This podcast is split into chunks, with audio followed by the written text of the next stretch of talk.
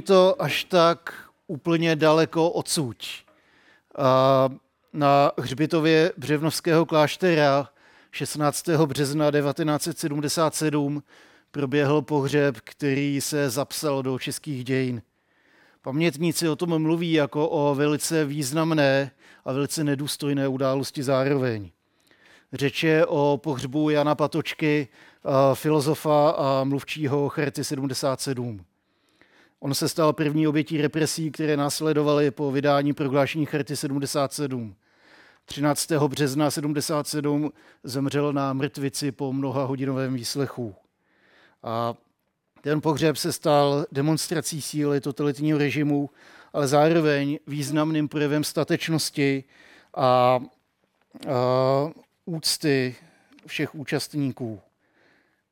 V ten den obřadu měli květináři v okolí zakázáno prodávat květiny, nikde poblíž se nesmělo parkovat a hřbitov byl obsazen stovky příslušníků STB.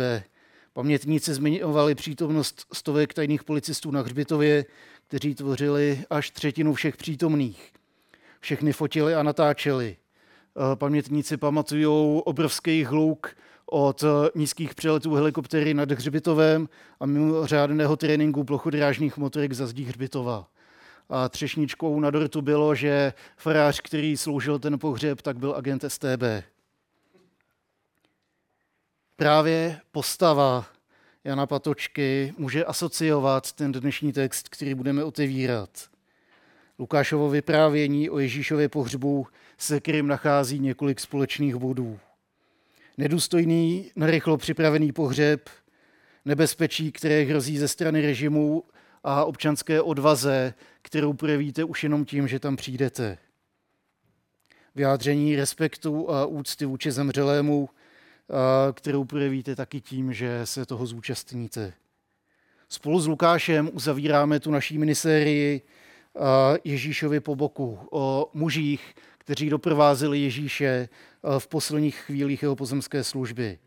A Josef z Arimatie udělá tady za tou sérií tečku a příští neděli oslavíme vzkříšení, na což se moc těšíme. Takže já přečtu Lukáš 23, 50 až 56. Je to úplný konec uh, Lukášova evangel, uh, 23. kapitoly Lukášova evangelia. Pak začínají všechny ty příběhy o vzkříšení, na které se těšíme a uh, který, který si budeme připomínat příští týden. Ale dneska čteme toto. Jeden člen rady, dobrý a spravedlivý muž jménem Josef, nesouhlasil s radou a s jejím činem – byl z judského města Arimatie a také očekával boží království. Šel za Pilátem a vyžádal si Ježíšovo tělo. Sněl je, zavinul do plátna a pochoval ho do vytesané hrobky, do níž ještě nebyl nikdo pochován. Byl den příprav a blížil se začátek soboty. Přidali se k němu i ženy, které s Ježíšem přišly z Galileje. Viděli hrob i to, jak bylo tělo pochováno. Vrátili se domů, připravili voné oleje a masti pak ale podle přikázání zachovali sobotní odpočinek. Je to krátký a zajímavý text a já se přiznám, že velice často jsem ho takhle přeletěl a nevěnoval jsem mu pozornost, protože už jsem se těšil na ten příběh o vzkříšení. Nevím, jestli to máte taky s nějakýma příběhama v Bibli, že se tak moc těšíte na nějakou tu velkou událost, na nějaký ten velký moment, že Josef z Arimaty je prostě nějaký funebrák a jedeme dál. Drobnost, kterou některý český překlady vynechávají, je zvolání ahle, který je na začátku textu. Lukáš tím zdůrazňuje dějový přechod a vzbuzuje pozornost, aby uvedl novou scénu, novou postavu, nové dění. Dnes bychom to řekli asi trošku jinak. Dneska bychom řekli, tak a teď dávejte dobrý pozor, teď budu mluvit o Josefovi Serimatie. Najednou máte zlom v ději. Najednou už to není vyprávění o Ježíšově smrti na kříži, ale tam předěl, teď pozor, teď přijde ještě něco důležitého. Jak jsem říkal, Josef byl ten, který jsem vždycky přeletěl a nevěnoval jsem mu pozornost. Lukáš nám ale vyprávěním přibližuje muže, který doprovázel Ježíše po boku jako ten poslední a stal se tak důležitým svědkem jeho smrti. Kdo to byl ten Josef a co o něm můžeme říct? Máme o něm čtyři verše, a v Lukášovi máme o něm sem tam nějaký řádek ještě jinde a to nám může dát docela ucelený obrázek. Něco můžeme odvodit a něco přímo čteme. Pocházel z Arimatie. A to bylo místo, které je spojované s Rámou, asi 24 km východně od Jafy, a místo, kde se narodil a zemřel prorok Samuel. Víme, že Josef byl významným mužem, zastával vysokou pozici a byl asi velmi majetný. To můžeme odvodit z toho, co nám Lukáš píše. Byl členem rady nebo velerady. S tou se ale rozcházel v otázce odsouzení Ježíše a způsobu, jakým to provedli. Lukáš tady tou zmínkou zároveň uh, upozorňuje, že nejde všechny házet do jednoho pytle. Jan velice často řekne židé a tím myslí takový to židovští představení, farizeové, členové velerady, všichni jsou to ti, ti špatní. A nejenom tady čteme od Lukáše, že člen velerady, toho nejvyššího orgánu, je muž spravedlivý a čestný. Nesouhlasil s způsobem, jakým byl Ježíš odstraněn. Zároveň musel být velice bohatý, protože si mohl dovolit svoji vlastní hrobku, kterou si nechal vybudovat. A musel být významným představitelem lidu, protože si mohl u Piláta vyžádat audienci, kde prosil za vydání Ježíšova těla. Marek k tomu pro zajímavost poznamenává, že než šel za Pilátem, tak si musel dodat odvahy. Josef byl Ježíšovým učedníkem. To se nedočteme u Lukáše, ale u Matouše. Byl tam jeden boháč, který byl Ježíšovým učedníkem. A Jan k tomu dodává, byl tajným učedníkem, protože se bál židovských lídrů. A byl to zbožný člověk, protože Lukáš píše o jeho morálním charakteru jako muže spravedlivého, který očekával boží království. Ta jeho spravedlnost se projevila právě v tom, že Ježíše pohřbil, když ho to muselo stát hodně. Hodně úsilí, hodně peněz a možná taky hodně z jeho pověsti. Získat Ježíšovo tělo nebylo jednoduché. Vědomat mu hrobku nebylo levné a udělat takový čin znamenalo při nejmenším posměch od okolí. Jak jsme na tom my, co jsme ochotní my pro Ježíše dát v šanc? Kolikrát si řeknu, je, já budu vypadat strapně a něco neudělám. Kolikrát si řeknu, ne, tak je to, je to drahý, to nechci, nebo ne, to, to dá moc práce, od toho dávám ruce pryč. Josef tím pohřebem prokazuje Ježíši mimořádnou poctu, jakou mu prokázali například mudrici hned po jeho narození. Hned po jeho narození přišla delegace z východu a vzdali mu poctu, která byla mimořádná, nevýdaná. A to samé teď. Úplně stejný kulisy, úplně odporný prostředí, kde se narodí miminko a najednou tam přijde prakticky královská delegace se klanět a přinese velice vzácný dary. A teď hned po Ježíšově smrti na úplně odporném místě přichází člověk, který vzdává Ježíšovi obrovskou poctu. Kruh se uzavírá. Stává se díky tomu Josef důležitým svědkem Ježíšovy smrti. Ten pohřeb byl mimořádný v tom, že římané nechávali velice často těla vyset na kříži, dokud se nerozložila. Nebo bývali pohřbeni bez pocty, což byl případ v Izraeli. Josef tím, že daruje novou rodinnou hrbku, prokazuje velikou poctu a zároveň tím možná vědomky, možná nevědomky naplňuje i Zajášovo proroctví. Ač měl být pohřben se zločinci, odstl se v hrobě s boháčem. Nikdy se totiž nedopustil křivdy a v ústech neměl žádnou lest. Izajášovo vidění spravedlivého, který byl odsouzen na smrt, který měl ulehnout se zločinci a je mu dán hrob spravedlivého boháče.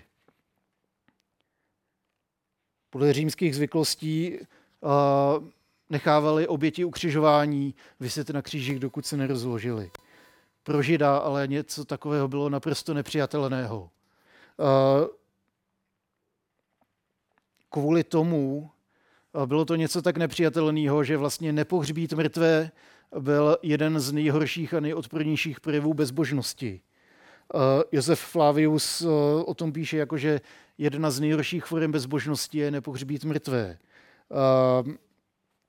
Zákon v knize Deuteronomium píše, že když někdo spáchá smrtelný zločin a bude popraven pověšením na kůl, ať jeho tělo nezůstane na kůlu, musíš je pochovat ještě téhož dne.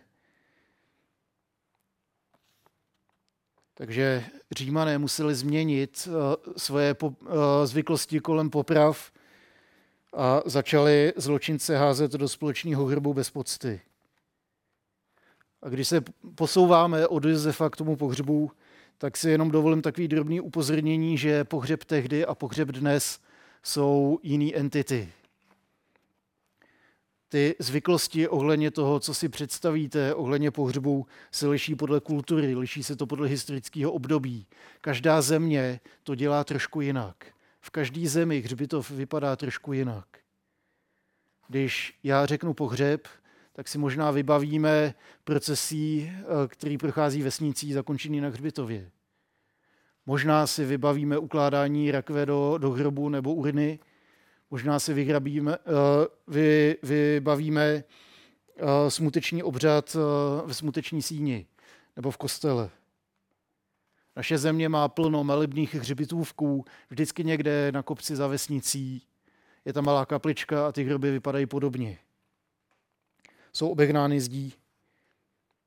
A když začnete cestovat, tak zjistíte, že ty hroby vypadají v každé zemi trošku jinak. Že ty tradice uh, se trošku liší podle toho, kde jste, jaký náboženství převládá. Indiáni pohřbívali své mrtvé do korun stromů.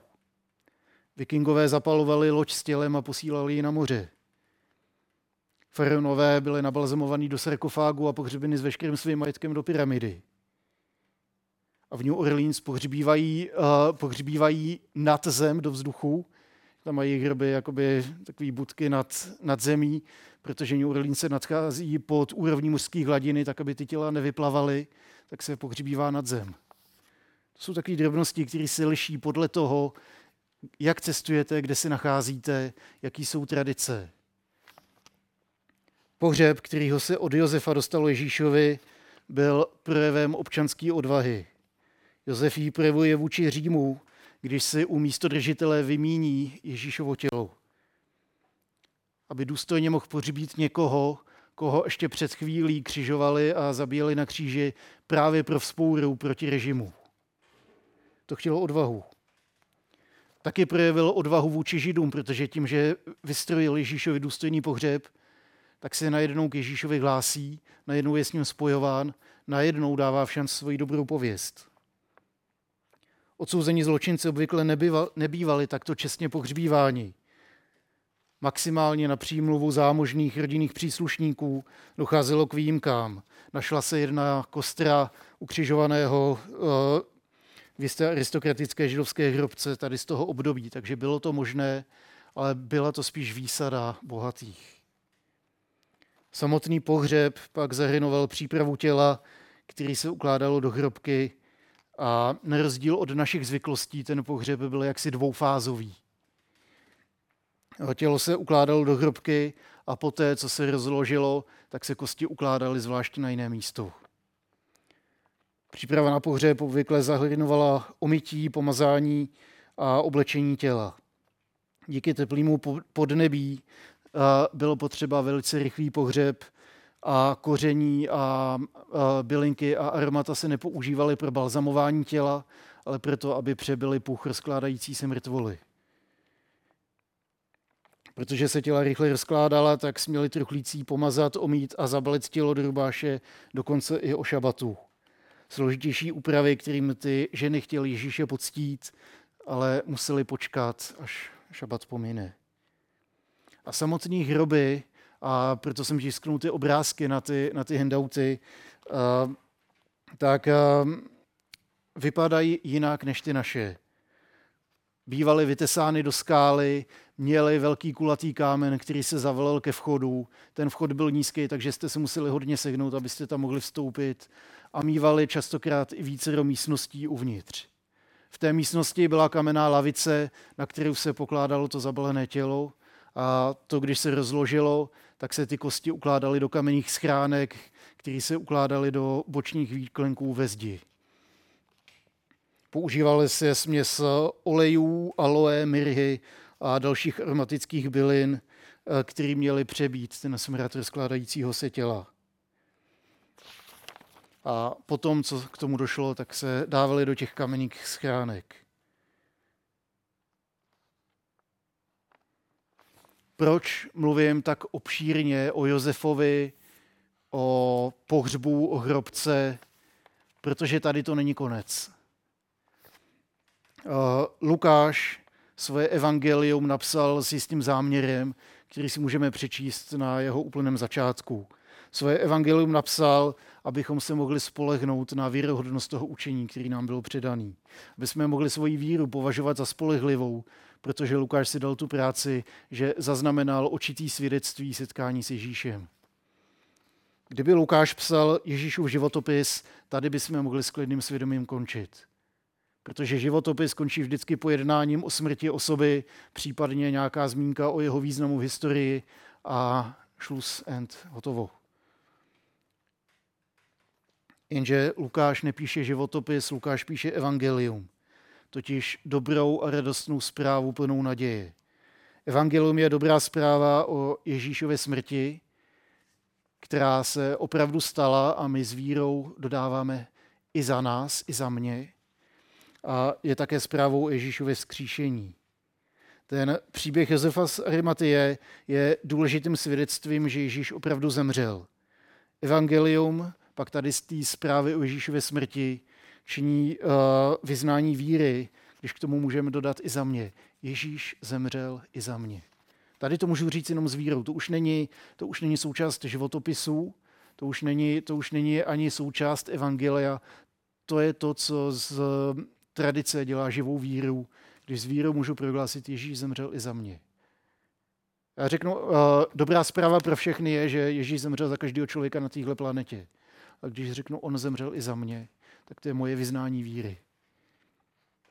Ježíšova smrt a vzkříšení jsou tím, na čem se láme evangelium. A kolem Ježíšovy smrti a vzkříšení eh, dodnes koluje nespočetný různějších teorií, eh, který se snaží eh, vysvětlit nevysvětlitelné. Někteří podrývají základní kámen víry křesťanství, že Ježíš byl vzkříšen a žije.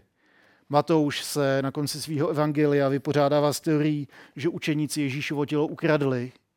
A tady ten výklad mezi Židy koluje uh, dle Matoušových slov až do dnes, do okamžiku, kdy Matouš psal své evangelium, do dnes se říká, že oni to tělo ukradli a pak mohli mluvit o vzkříšení. Jako křesťané věříme, že Ježíš opravdu zemřel a opravdu byl vzkříšen a to je zvěst evangelia. Josef byl významný a zámožný člen velerady a tudíž jeho svědectví je důvěryhodné. To, že Ježíše pohřbívá někdo, kdo nebyl jeho příbuzným, kdo nebyl ani v tom kruhu, úzkém kruhu učedníků, tak nám může být důkazem toho, že Ježíš opravdu zemřel. To, že Pilát vydal Ježíšovo tělo, znamená, že opravdu zemřel, protože kdyby ještě žil, tak ho nechají vyset na kříži. Mezi lidmi se šířil bezpočet teorií o tom, jak to s Ježíšovou smrtí bylo, jak to bylo s jeho vzkříšením. Někteří říkají, že nezemřel, protože přece jako ten svatý boží syn nemohl mít fyzické tělo, ta zlá hmota a proto, proto nemohl zemřít. Jeho smrt byla pouze zdánlivá. Jiní říkají, že to jenom vypadalo, že zemřel, že ho sundali, když ještě žil a tudíž to nějakým způsobem mohl přežít. Existují teorie o tom, že si učeníci ze samotného zármutku nad ztrátou Ježíše spletli hrob a proto říkali, že Ježíš vstal z mrtvých, protože došli na prázdnou hrobku.